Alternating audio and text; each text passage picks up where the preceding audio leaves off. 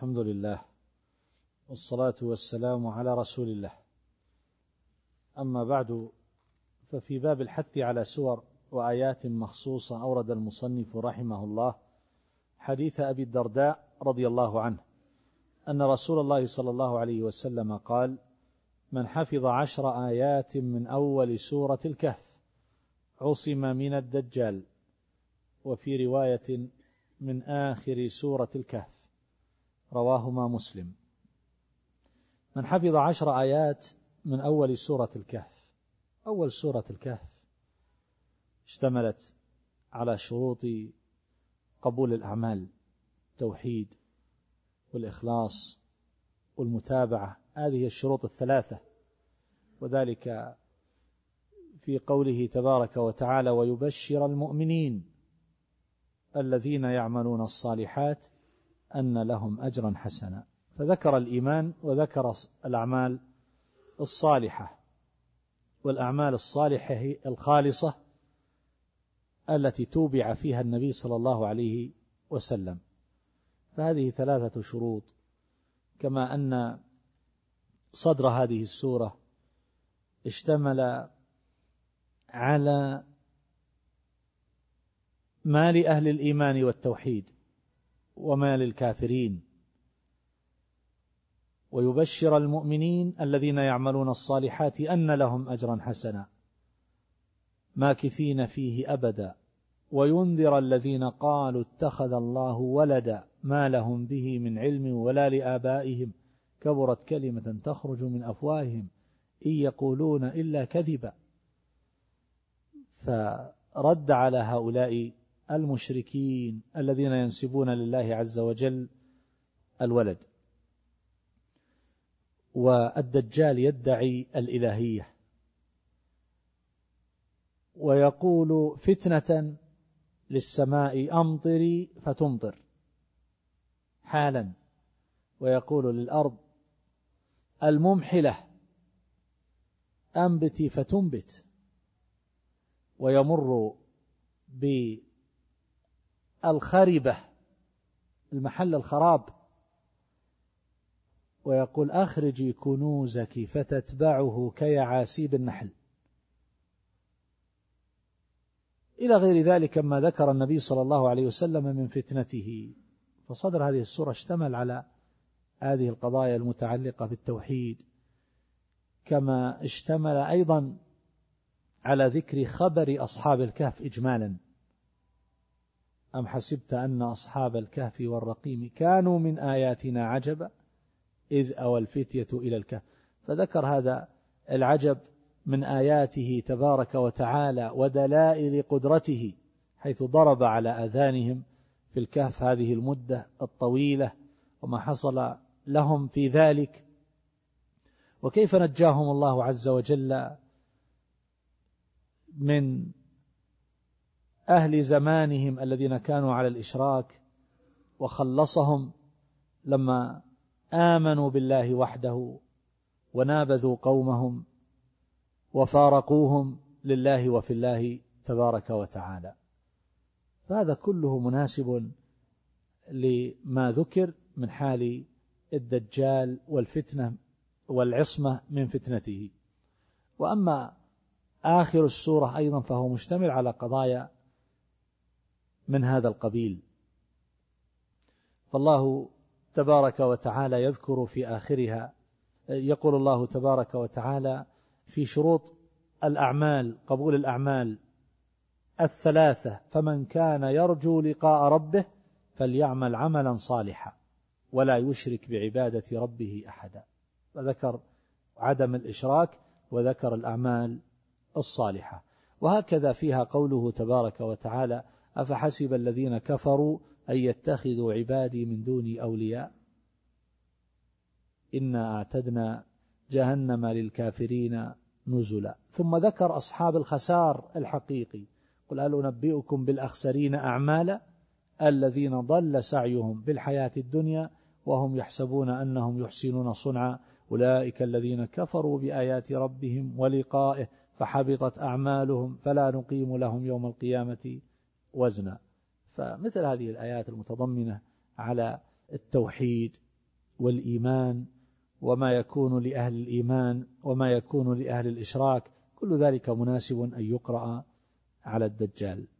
وأن يعصم الإنسان بذلك من فتنته. وعلى كل حال في رواية من آخر سورة الكهف يحتمل أن يكون ذلك راجع وعائد إلى ضبط الرواة.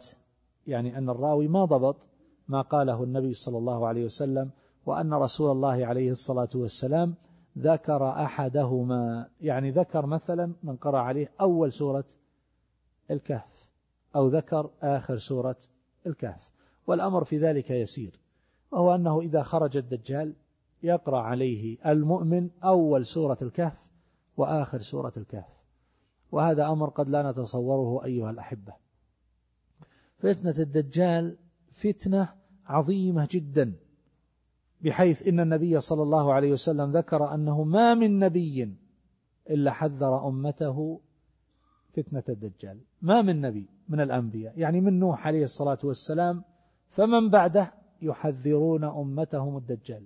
والنبي صلى الله عليه وسلم حذر أمته غاية التحذير وقال لهم إن يخرج وأنا فيكم فأنا حجيجه وإن يخرج من بعدي فامرؤ حجيج نفسه. والله خليفتي على كل مؤمن. أو كما قال عليه الصلاة والسلام وقرب أمره صلى الله عليه وسلم لهم جدا حتى ظنوا أنه في طائفة النخل. وحتى إن النبي صلى الله عليه وسلم وأصحابه كانوا يظنون أن أو يشكون أن ابن صياد وهو غلام يهودي أنه هو الدجال. ولهذا كان النبي صلى الله عليه وسلم يرقبه وجاء إليه وهو يلعب مع الصبيان وقال له خبأت لك خبأ فقال هو الدوخ. فقال اخسأ فلن تعد قدرك. يعني هذا الغلام كان يبدو يتكهن تتنزل عليه الشياطين. والصحابة كانوا يظنون حتى قال استأذن عمر رضي الله عنه. استأذن النبي صلى الله عليه وسلم في قتل ابن صياد. ونهاه النبي صلى الله عليه وسلم معللا ذلك بأنه إن يكن الدجال فلن تسلط عليه. وإن لم يكن هو فلا خير لك في قتله. إلى هذا الحد أنهم كانوا يظنون أن الدجال أو يشكون على الأقل أن الدجال معاصر لهم ومعايش لهم وفي المدينة. وذكر النبي صلى الله عليه وسلم الجهة التي يخرج فيها. وسبب الخروج في البداية وأنه يخرج في غضبة وجاء في الحديث الطويل في صحيح مسلم حديث الجساسة. لما رأى تميم الداري رضي الله عنه ومن معه لما ركبوا البحر وأرفعتهم السفينة إلى جزيرة فوجدوا رجلا مكبلا بالحديد عظيم الخلقة.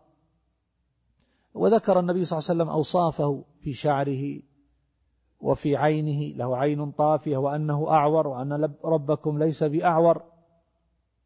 فالشاهد أنه يأتي بخوارق. يأتي للرجل فيقطعه نصفين بالسيف. رمية الغرض يعني كل جزء في جهة يعني بعد رمية السهم. أجزاء متباعدة. ثم يأمره بأن يحيا فيقوم. ويأتي إلى القوم الممحلين. فيأمرهم بطاعته والإيمان به. فإذا تابعوه عادت إليهم دوابهم ممتدة الخواصر. وفي غاية الكمال وأنبتت أرضهم. وإذا كذبوه أمحلوا. وهلكت دوابهم. إلى غير ذلك من الأمور التي ذكرها النبي صلى الله عليه وسلم في فتنته وسرعته في تجواله وتطوافه في الأرض. في أربعين. وذكر أن اليوم الأول كسنة والثاني كشهر والثالث كجمعة يعني أسبوع وباقي الأيام كأيامنا. فالمقصود أن أن هذه الفتنة العظيمة جدا التي حذر منها جميع الأنبياء. كيف الخلاص وكيف المخرج منها؟ إذا كان الناس يفتنون اليوم بأشياء دون هذا بكثير. حتى إنك إذا رأيت بعض الأمور كيف يصدقونها وكيف يغترون بها تقول إذا خرج الدجال إذا ماذا سيفعلون؟ رجل يدعي أنه نبي أو إله نسيت في أندونيسيا الآن ويتبعه عدد كبير جدا من الناس وأكثرهم من طلاب الجامعات. نسيت الرقم الذي يتبعه. شيء هائل. كيف يصدق هؤلاء؟ بمثل وانظر إلى الخرافات والدجل التي يصدقها ملايين من الناس ويتبعونها سواء كان ذلك من جهة بعض طوائف الصوفية أو الرافضة أو غير ذلك. أمور لا يمكن أن تعقل ولا يمكن أن تقبل ولا يمكن أن تصدق ومع ذلك تجد. وانظر إلى من يفتن بالفضائيات وما فيها من الضلالات ومن يذهب إلى الكهنة والسحرة والمشعوذين والمنجمين ومن يتصل بالبرامج التي يظهر فيها من يتنبأ لهم بالغيب ويسألونه عن مستقبلهم وعن حظوظهم وهل ستتزوج بفلان وهل سيتزوجها من تحب إلى آخره. هؤلاء ظهر الدجال ماذا سيفعلون؟ ماذا سيفعلون؟ وهكذا أيضا حينما يلوح لهم باب من الفساد في باب إفساد المرأة وإخراجها من حشمتها وعفتها إلى آخره يتهافتون.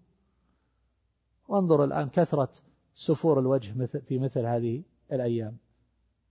كثرة من يظهر هذا شيئا فشيئا ثم بعد ذلك تتعرى كما تعرت في في البلاد الأخرى. شيئا فشيئا بمجرد ما يلوح لهم باب من الفساد يتبعه كثيرون زرافات ووحدان. نسأل الله العافية. فكيف إذا خرج الدجال؟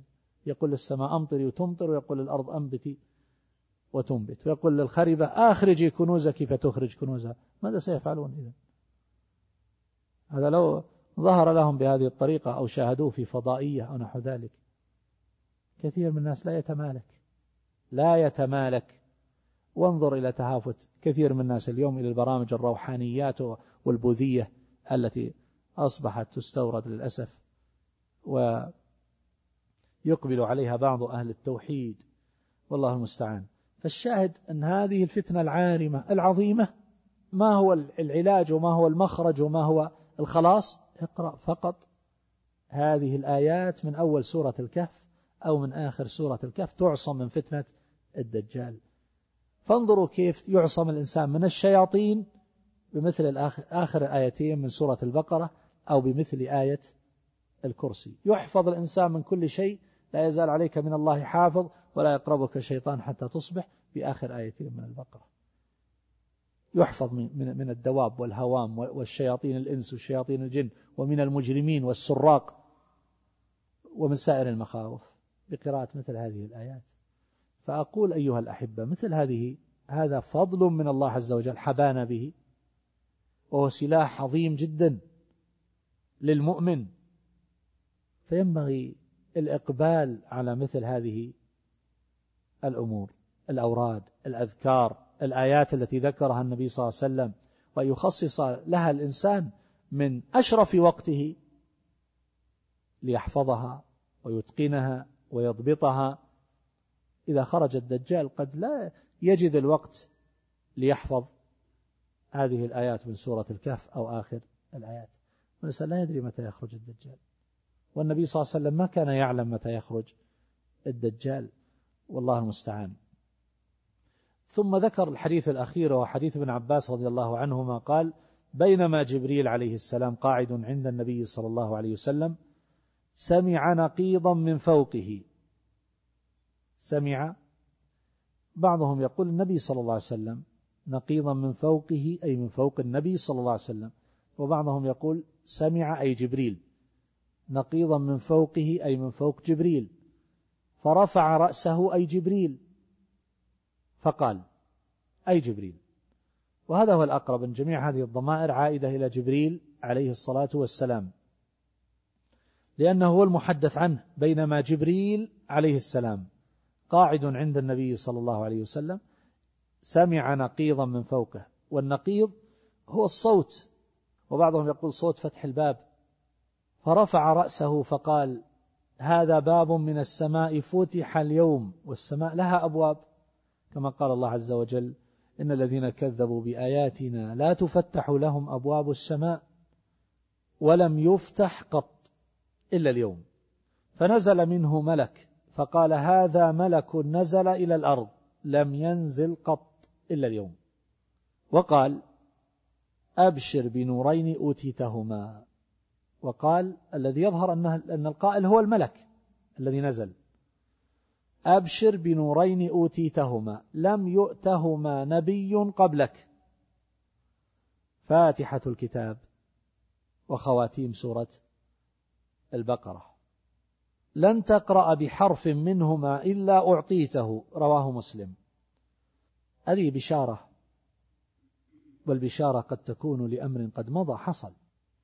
وقد تكون لأمر يقع الآن وقد تكون لأمر مستقبل. وقد فهم منها بعض أهل العلم أن سورة الفاتحة نزلت بالمدينة محتجين بهذا الحديث لأن هذا وقع في المدينة. وذلك ليس بلازم. والله يقول في سورة الحجر وهي مكية ولقد آتيناك سبعا من المثاني والقرآن العظيم والنبي صلى الله عليه وسلم قال عن الفاتحة هي السبع المثاني والقرآن العظيم الذي أوتيته كما في حديث أبي سعيد ابن المعلى الذي سبق. فسورة الحجر مكية. فدل على أن سورة الفاتحة نازلة بمكة. وما كان النبي صلى الله عليه وسلم يصلي من غير الفاتحة. وبعضهم لما نظر إلى هذا قال لعلها نزلت مرتين. مرة بمكة ومرة بالمدينة لهذا الحديث. ولا حاجة لذلك. والله أعلم. لكن هذا جاء بالبشارة. وبعضهم فهم منه أن هذا الملك هو الذي نزل بالفاتحة ونزل بآخر آيتين بالآيتين الأخيرتين من سورة البقرة. مع أن الله عز وجل يقول عن القرآن نزل به الروح الأمين. ويقول نزله روح القدس من ربك بالحق. وقال علمه شديد القوى يعني جبريل عليه الصلاة والسلام. وهؤلاء الذين قالوا بأن هذا الملك هو الذي نزل بها قالوا المقصود بالآيات السابقة بأن الجبريل هو الذي نزل القرآن على النبي صلى الله عليه وسلم من عند الله أي الأغلب باعتبار الغالب. وأما النادر فإنه لا يؤثر في الحكم والأقرب أن جميع القرآن نزل به جبريل على النبي صلى الله عليه وسلم من عند الله وأن هذا الملك جاء بالبشرى فقط بالبشارة. قال لن تقرأ بحرف منهما إلا أعطيته. يحتمل أن يكون المقصود الثواب والأجر ويحتمل أن يكون المضمون. إذا قال العبد مثلا كانت سورة الفاتحة اهدنا الصراط المستقيم أعطي. وهكذا ربنا لا تؤاخذنا إن نسينا أو أخطأنا. ربنا ولا تحمل علينا إصرا كما حملته على الذين من قبلنا. الآيات أو الآية. قال الله قد فعلت. يعني أن الله أعطانا ذلك واستجاب هذا الدعاء. والله تعالى أعلم. الشاهد أن هذا يدل على فضل سورة الفاتحة ولا شك أنها متضمنة لجميع موضوعات القرآن ومعانيه. كل القرآن مضمن في سورة الفاتحة. كما ذكر هذا جماعة من أهل العلم. وآخر الآيتين من سورة البقرة قد تضمنتا قضايا الإيمان والتوحيد. الأصول العظام للإيمان كلها مذكورة في الآيتين من آخر سورة البقرة. إلا أنه لم يذكر فيها الركن السادس من أركان الإيمان وهو الإيمان بالقدر. لم يذكر صراحة. والله تعالى أعلم. صلى الله عليه وسلم محمد وعليه وصحبه.